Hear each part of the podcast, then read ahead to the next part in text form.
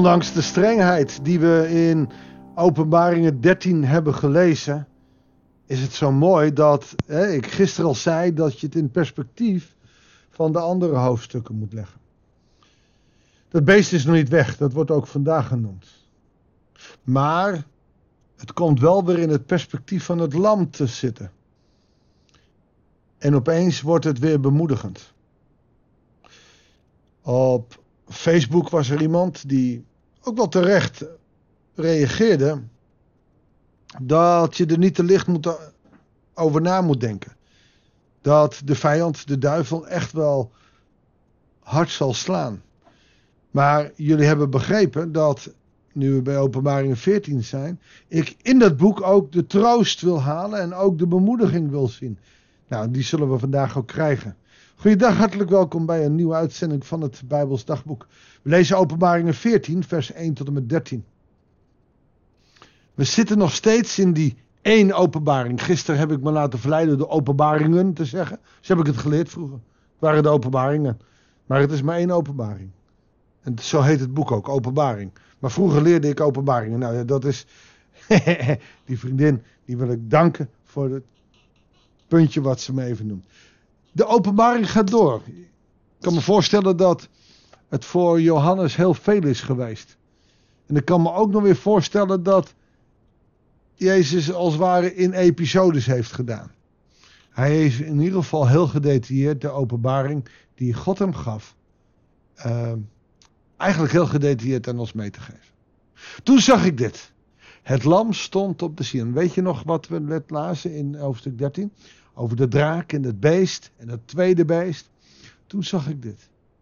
Het, land stond, het lam stond op de Zion, op de berg van God. En bij het lam waren 144.000 mensen. Als ik dan de Jehovah-getuigen moet geloven, zijn dat 144.000 mensen die in de hoogste hemel komen. Dan heb je nog wat lagere hemels waar de rest van het, ge, uh, het volk kan komen. Maar om bij de 144.000 te horen, nou, dan moet je wel heel bijzondere dingen hebben verricht. We hebben die 144.000 al eerder zien voorbij komen. 144 is 12 keer 12. Mensen uit het oude verbond, nieuwe verbond. En 1000 staat voor de geslachten. Dus 144.000, eh, nee, 144 geslachten. Oftewel, alle mensen van het oude en het nieuwe verbond worden hierbij benoemd. En bij het lam waren dus al die mensen die zijn naam en die van zijn vader op hun voorhoofd hadden. Dus alle gelovigen uit het oude en alle gelovigen uit het nieuwe verbond die de naam van God de Vader en, en de Zoon op hun voorhoofd hebben. Oftewel, die hun hart helemaal gericht hebben op Hem. Die staan naast het lam. Dat zijn er niet 144.000. Dat zijn 144 geslachten. Gen generaties. En 12 keer 12 is alle generaties. Ik hoorde uit de hemel een geluid komen, komen dat klonk als het geluid van geweldige watermassa's. Van zware donderslagen. Het klonk als het geluid dat muzikanten maken die op de lier spelen. Ja, een lier is een vrij liefelijk uh, gebeuren. Alleen het komt nu donderend over. En dit is niet negatief, dit is positief. Er klinkt een lied uit de hemel. En weet je nog, als de engelen zingen, eren zij God, dat de herders achterover deinzen. Er werd voor de troon en voor de vier wezens en de oudste iets gezongen dat leek op een nieuw lied. En niemand kon het lied begrijpen, behalve de 144.000 mensen die van zijn. Oftewel, de rechtvaardigen. Komen we straks op terug, maar de rechtvaardigen zullen dat lied begrijpen. En de rest van de wereld begrijpt. Dat zijn degenen die zich niet met vrouwen hebben afgegeven, maar maagdelijk zijn gebleven.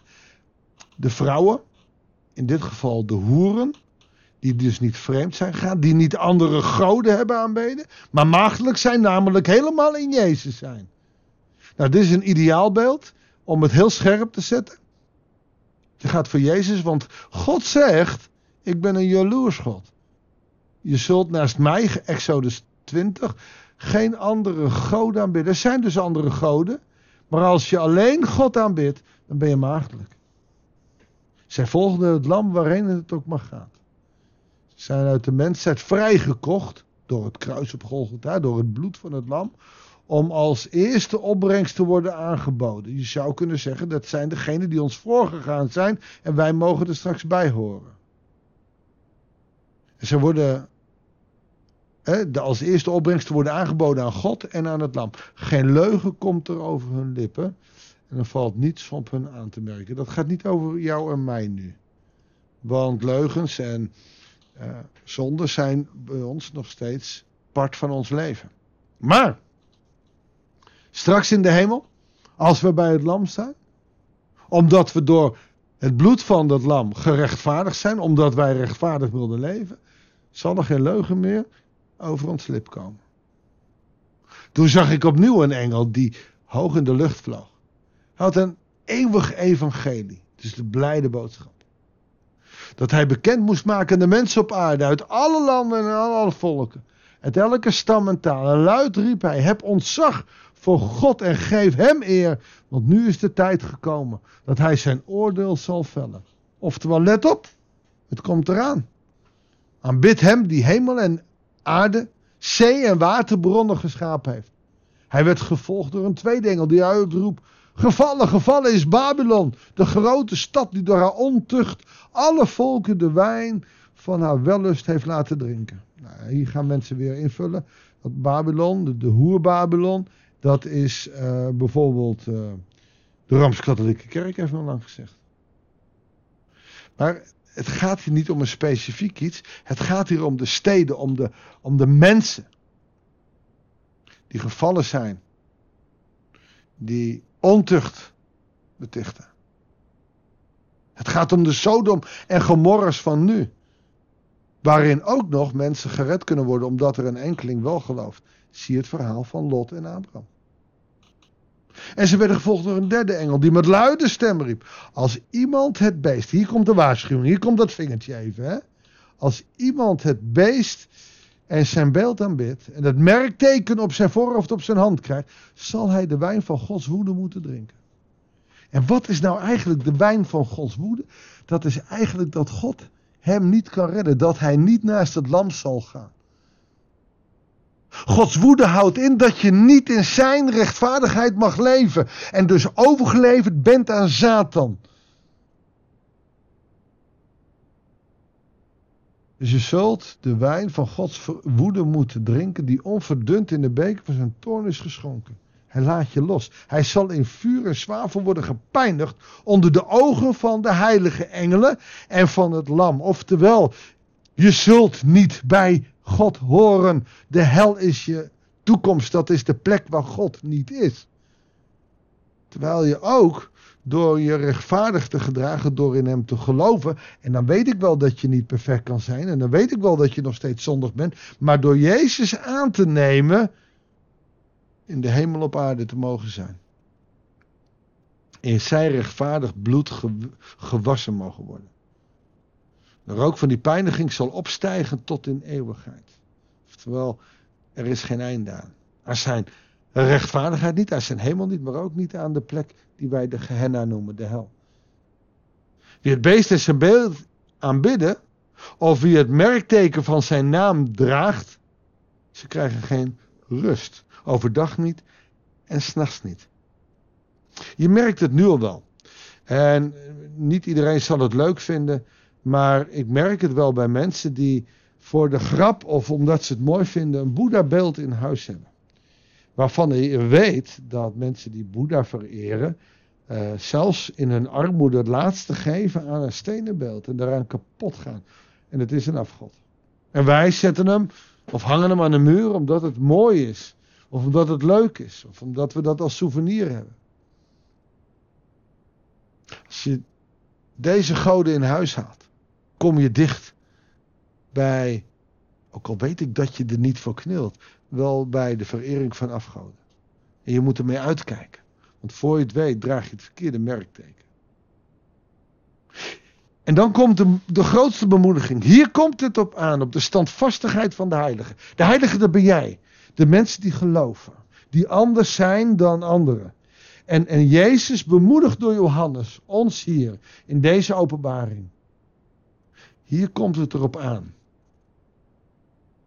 Kun jij standvastig zijn in je geloof? Kun jij volhardend zijn, ondanks tegenslagen, moeite, zorg, pijn en verdriet? We zingen wel eens, dat is een oud lied, wees standvastig, onwankelbaar, steeds overvloedig. Maar ondertussen is er de twijfel en vertwijfeling. Hier komt het op aan. Als, als straks, en het is eigenlijk nu al die wereld aan het vergaan is, als wij alles kapot maken, hier komt het op aan. Kun je als heilige, als apartgestelde door God, standvastig staan. Je houden aan Gods geboden en trouw blijven aan Jezus. Ik hoor een stem uit de hemel zeggen: schrijf op. Gelukkig, zalig zijn zij die vanaf nu sterven in verbondenheid met de Heer. En de geest beaamt, zij mogen uitrusten van hun inspanningen, want hun daden vergezellen hen. Trouwe God en Vader, deze bemoediging mag ons opbeuren, oproepen om uw evangelie te aanvaarden. Tegen beter weten in soms, tegen ons gevoel in. U, Jezus, te volgen. Met alles wat in ons zit. Met heel ons hart, met heel ons ziel, met heel ons verstand. Wilt u ons daarbij helpen? Door de kracht van uw geest? Amen. Dankjewel voor het luisteren. Ik wens je God zegen. En heel graag tot de volgende uitzending van het Bijbelsdagboek.